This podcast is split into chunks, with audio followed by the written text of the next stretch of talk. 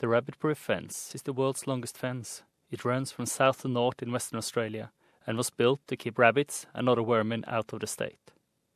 The fence was also made famous as a way home for three young Aboriginal girls Molly, Gracie, and Daisy. Molly, Gracie, and Daisy to me are three of the most incredible Australian women to have, have ever lived. that was Sarah Hyde, and in the name of reconciliation, she is walking in the footsteps of Molly, Gracie, and Daisy along the rabbit proof fence. I talk to her about her journey and why she's doing it. Sarah Hyde, welcome to SBS Norwegian. Yeah, thank you, Frank. First of all, who is Sarah Hyde? Great question. um, I was born in, in Sydney. I'm originally from Guringai country, and my family are from the Blue Mountains. Yeah, I'm a speech pathologist working at Sydney University, and I work there as a clinical educator. You have a bit of a sense of uh, adventure, is that right?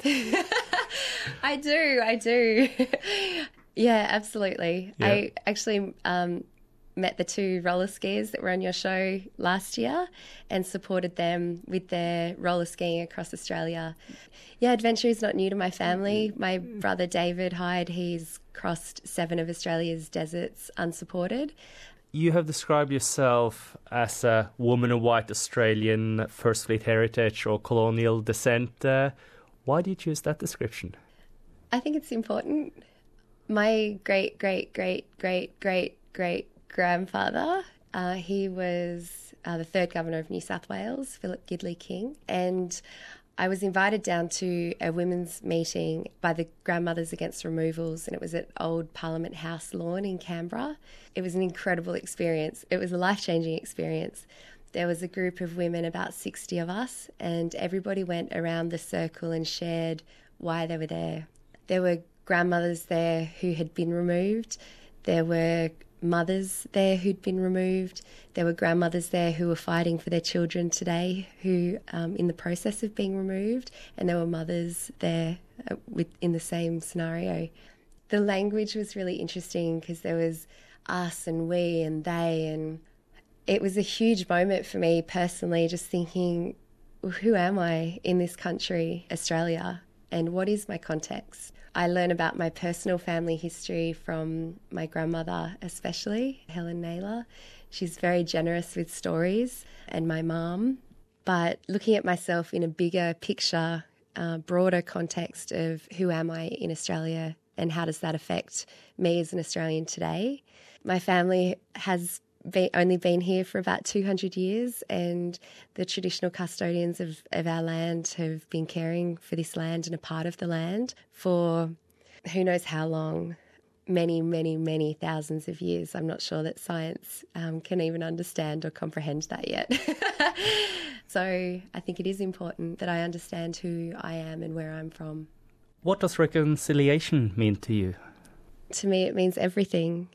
I like to think of reconciliation about friendship, and I have many Indigenous friends. But to me, it's about having conversations and uh, sharing stories, but mostly listening and trying to understand another person's experience and how their experience and their family experience has shaped their lives and impacts their lives today. And yeah, walking that those stories together, listening and learning together who is Molly, Gracie, and Daisy? Molly, Gracie, and Daisy to me are three of the most incredible Australian women to have, have ever lived. Molly, Gracie, and Daisy uh, were from Jigalong. They're from the Mardoo people. This is a really remote area of Australia. In 1931, they were removed from their families and their community as part of the 1905 Indigenous Protection Act or the Aboriginal Protection Act. They were taken by car to Geraldton and then by boat from Geraldton to Perth. And they were taken from Perth to Moore River Native Settlement, which was part of a process of assimilation. So their skin colour was fair because they had a white father, and the idea was that any children who had fairer skin would be taken to these institutions and taught skills to bring them up in colonial way. So Molly got there and she said to her sisters, We're not staying here. We're going to find that fence and we're going to make our way home. Molly's father had worked on the rabbit proof fence, so she knew that that fence ran the whole way across Western Australia and she knew that it ran through her home of Jigalong. She knew that if she found that fence, she'd be able to get home. I think she's absolutely incredible because she'd just done the trip. So she'd been by car, she'd been by boat, she'd been by car again. She knew how far away she was. And she made the decision to choose to get home to her family, to her mum. And she made the decision to um, take her sisters with her. So she was going to be in a leadership role doing that. It's just incredible to think about young women doing that. Molly Grace and Daisy was and their journey was made famous in the book, uh, The Rabbit Proof uh, Fence, and also the movie. How important is this book and movie in Australian society? Hugely. Um, so the book is called Follow the Rabbit Proof Fence, and that was written by Molly's daughter, Doris Pilkington, or Nugi Garimara, as her mother called her when she was born. And the film was directed by Philip Noyce and, and written by Christine Olsen. Australian school children today I, I, like to think most are exposed to the film and also to the book. For me, it's a step. Learning about the girl's story is a step to understanding, and film has an incredibly powerful way of doing that, of getting the story out there. When I was out in Kiwirrkurra, the remote community in the Western Deserts, all of the kids there had seen it, and it's a visual story so in film, that's a really accessible way for those kids too. It is a step, and I think there's more steps to follow. Like, there's an incredible film that I saw at the Sydney Film Festival called We Don't Need a Map. And it's like, it's the next step. And that's going to be going into Australian syllabus as well, hopefully, school syllabus. So it's just about that you know, every step is so important. And this story is a powerful Australian story. It's a human story. It's a story about getting home. It's almost a love story. In the name of reconciliation, you are going to walk the rabbit proof fence and follow in the footsteps of Molly, Gracie, and Daisy. How did you even come up with uh, idea to do something like that? So I mentioned um, Jonathan and Marcus, the roller skiers. Marcus and I, we were at Adelaide and we'd just been at WOMAD Adelaide and we'd seen Djuki Mala. We'd just been to see them at WOMAD Adelaide, and um, that night later on, we ended up watching Tracks by Robyn Davidson, the lady who walked across Australia with camels. Marcus said to me, Sarah, what's your adventure? And I just shook my head and smiled, and I said, Marcus, I'd have to have a very good reason why for an adventure anyway, when I was at the Grandmothers Against Removals meeting a, a couple of weeks later, at that meeting, there were two women there from the Pilbara, and I'd lived up in the Pilbara working as a speech pathologist at the hospital. And the two ladies, I met them and we knew some similar people, and they were family of Molly, Gracie, and Daisy. So I got home and I thought, I've got to read that book. So I went to the newsagent, I pulled the, I got the book and I went and I thought, I'm not just going to read it, I'm going to study it and dive into it. And so I went to a cafe and I sat there, pulled the book out of the paper bag and I held it in front of me. The first thing I noticed, because I'd studied the film at school, which is called Rabbit Proof Fence, the first thing I noticed is it's not called Rabbit Proof Fence, it's called Follow the Rabbit Proof Fence. And so I just looked at it and just thought, oh my gosh, that's what I've got to do. In a way, I think it was a perfect storm. Marcus and Jonathan had inspired something in me as well. And it just felt like everything culminated to that moment. And at that moment, I made the commitment to follow the rabbit proof fence physically and also to dive into that part of Australia's history so that I could understand myself in Australia today and also consciously choose how I move forward as an Australian. Planning a trip like this, how long time has it taken? And... uh, such a good question. Um, I very quickly, I, I, I wrote in my journal that day, I'm going to follow the rabbit proof fence. Um, and to me, it's about community, it's not my walk. And the third page, I just wrote in giant letters, how? and the first thing that I came to was one, read the book, two, watch the movie. but in terms of adventure planning, there's so much to it, and it really comes down to a team. So I had a very clear north. So my compass is so in tune about is that going to help the walk or is that not going to help the walk and the purpose behind it. And so it became very easy to identify what I needed to pursue and what I didn't. In terms of logistics, I've got an incredible support crew. I'm managing a team at the moment of about 21 people who are working every day to enable the walk to happen.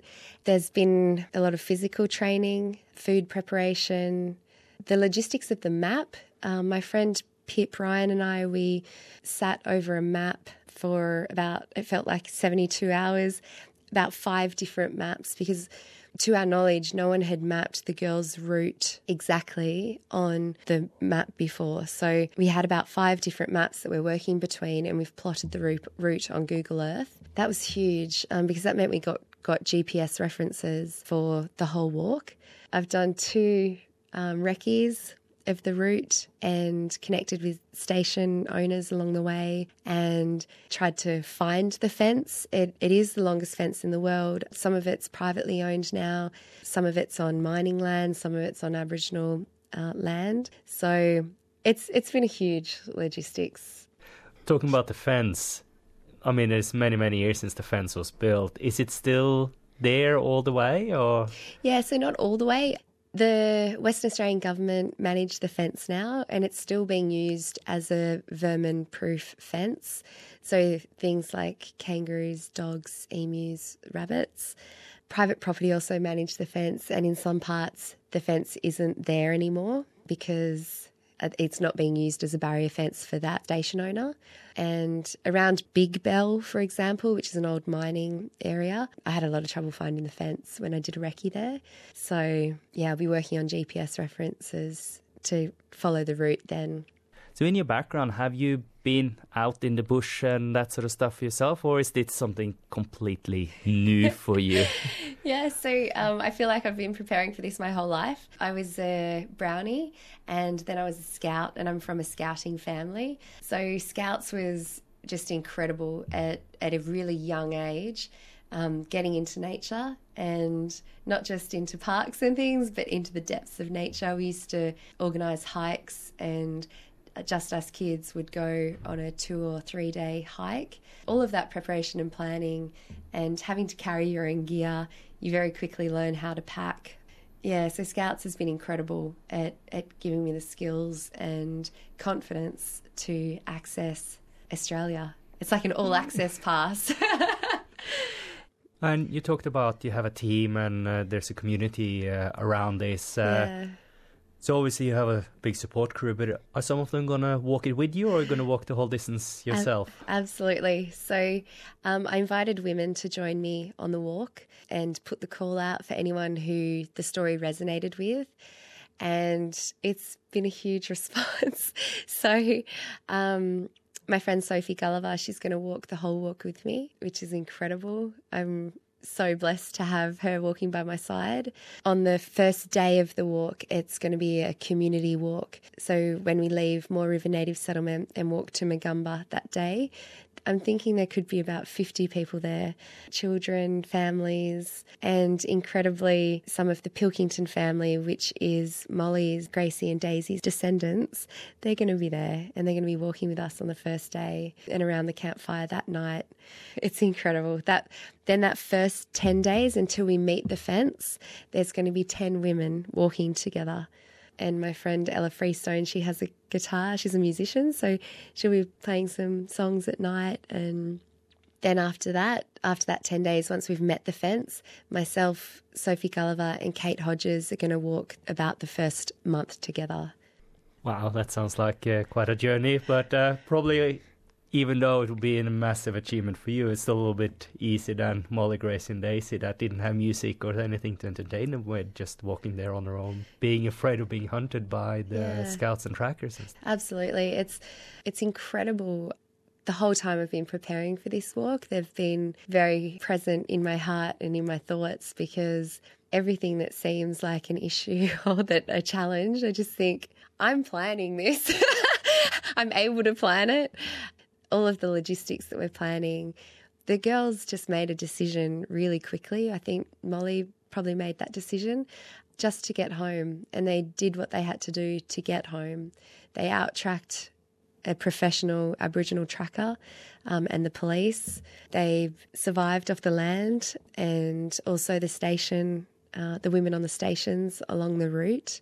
They used all of their skills that their culture had taught them to be able to live off the land. And to me, that's what I want to celebrate. I want to celebrate this culture and I want to learn from them. And yeah, I, I do recognize I don't have this, the same skills that our Indigenous Australians do have uh, with living off the land and, and as a part of the land. And so the juxtaposition of that, the logistics that I need to survive versus the skills and the innate knowledge that the girls had, that's just it's it's huge and I I just want to celebrate them and learn and understand and doing this walk like this you're going to follow the path you're going to follow the story of aboriginal people and to get respect of it did you need any sort of permission from yeah. the family or from the landowners and all that sort of stuff Absolutely. And this is one of the most important things to me.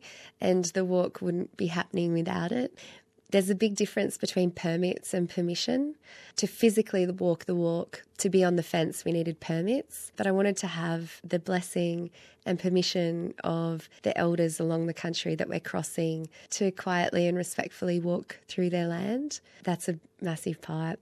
The other thing was to walk in the footsteps of Molly, Gracie, and Daisy it's not long ago that they did this walk, and Doris Pilkington so generously shared um, the story. And I wanted to have the permission and the blessing of the family to walk this story. I was very nervous about that because I just felt so strongly about it. Um, and I actually wrote them seven letters and I didn't send any of them. I was like, I was like a, an in love schoolgirl. And I absolutely didn't need to be. They're the most beautiful, welcoming family yesterday I met with Shari for the first time. We've been in contact on the phone before this and from the get go, she's been so supportive.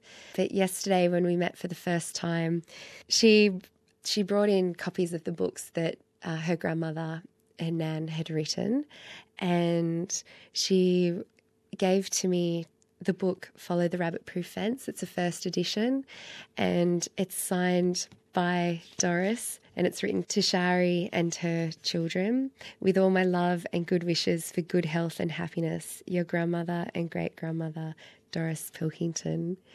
And she asked me to walk the book from now to Jigalong. So it's just incredible to be walking to be walking the story with the Pilkington family. Yeah, if that isn't a, a blessing of your journey, nothing will be. yeah, so, absolutely. During the walk, what do you think will be your biggest challenge? I've just done a survival course, and Bob Cooper's words are coming to mind. He says it's about the mind and the feet. it is a huge thing that we're doing. I feel really prepared. We do have the support crew around. I think it is going to be mentally tough but I, I kind of look forward to that as well because to feel the walk in my body and in my feet, to feel what that's like, it just brings me closer to Molly, Gracie, and Daisy's experience. So it is going to be really challenging for me because I, I haven't been brought up with that kind of length walking like the girls. But yeah, I kind of welcome that challenge too because I, I want to feel that. And mentally, I feel ready. We'll see what do you want to achieve with a walk like this? I mean, it is a personal challenge for you. It's a way for you to learn. Do you have any other larger goals to to accomplish with this walk? The walk was never about a physical adventure. It's not my walk. It's always about community. It's always been about community, understanding, listening, and learning, and connecting with the land, the Australian country that unites us. So I'd love to share that experience and share that that journey with people and invite them to follow the rabbit proof fence with me and with us and recognize the part that we can all play in having a conversation together with Indigenous and non Indigenous people. Some of my most positive life moments have been with the Indigenous ladies in remote areas, like the ladies up at Kiwirrkurra, and they've taught me so much. I'd love to be able to share those experiences and things with people who might not otherwise be exposed or be able to experience those types of things for this project, will you engage any other communities to reach out, to like community groups and that sort of uh, stuff? Yeah, so because it is about awareness and, and involving the community, and Doris Pilkington in her book Under the Winter Wintamarra Tree, in the chapter the healing tree, she talks specifically about educating the youth, Indigenous and non Indigenous. For me, Scouts Australia, Girl Guides, and school groups, that's the perfect connection point. So I've been going uh, to different scout groups and girl guide groups and connecting with them. We've been chatting over maps. They just fire the the best questions at me. Um, and yeah, something will resonate for one troop more than another.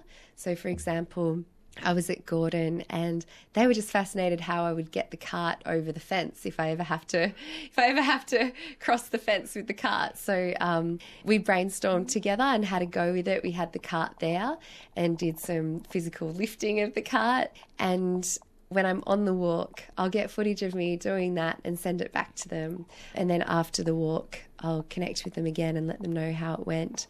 That it, it is about creating meaningful, ongoing connections and relationships, and the same with school groups too. We talked about reconciliation uh, earlier. It is a big topic and issue here yeah. in uh, Australia. And uh, what can each one of us uh, do, and what type of role can we play in reconciliation if you look on each one of us? I love this question because I do believe that it's about us as individuals and what we do in our everyday lives. The first thing for me was about awareness. I wanted to find out as much as I could in my own local area. So, who are the Indigenous people in my area? What Indigenous land was I born into or am I living in? What are the Indigenous people? Are there groups that I could be involved with? Um, there might be groups that you could be involved with and just go and get to know people. And in my experience, they've been so welcoming and inclusive and just fun and have great senses of humour. And so once I took that step, they're now um, circles and communities that I want to spend a lot of time with and in. Another thing for me was just being aware about how I talk and talking with Shari Pilkington yesterday. She is Molly's great granddaughter and Doris's granddaughter.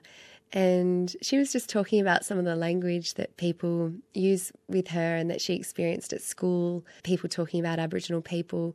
And it was a very, conscious thing for me on my journey in the last couple of years, especially where I did make a very conscious decision to observe what I think and what I say, the language that I use, and choose to be respectful and to be a good friend. For those who want to follow your story while you're out there, how can they follow you and how could they potentially engage with it all? So um, we have a website. It's www.rabbitprooffencewalk.org. And on the page there, there's a page called Follow. I'm going to have a beacon on my back so you'll be able to see live where we are each day and hopefully we'll be on track. there's also a Facebook group and an Instagram page called Rabbit Proof Fence Walk. Something that I'm doing for the community. It's a gift.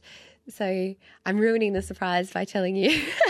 but um, I'm a quilter and it resonates for me because when I've been out in the community, the ladies tell the story from top down perspective, and quilting works with that type of storytelling. So on this quilt, I've represented the fence with grey wool, and then the girls' route in a, in a coral pilbara coloured wool. And then each day I'll just stitch where we're up to on the walk and invite people that we come in contact with to put a mark on the quilt as well. But on the website, there's a template of 10 centimetres by 10 centimetres. If people would like to send in a patch to a square to go onto the quilt. And yeah, we're going to gift that. So that's the way that people can be involved. Sarah Hyde, thank you so much for coming here and talk to us here at SBS Radio. Yeah, thank you for having me. You are listening to SBS Norwegian, and I am Frank Mattison.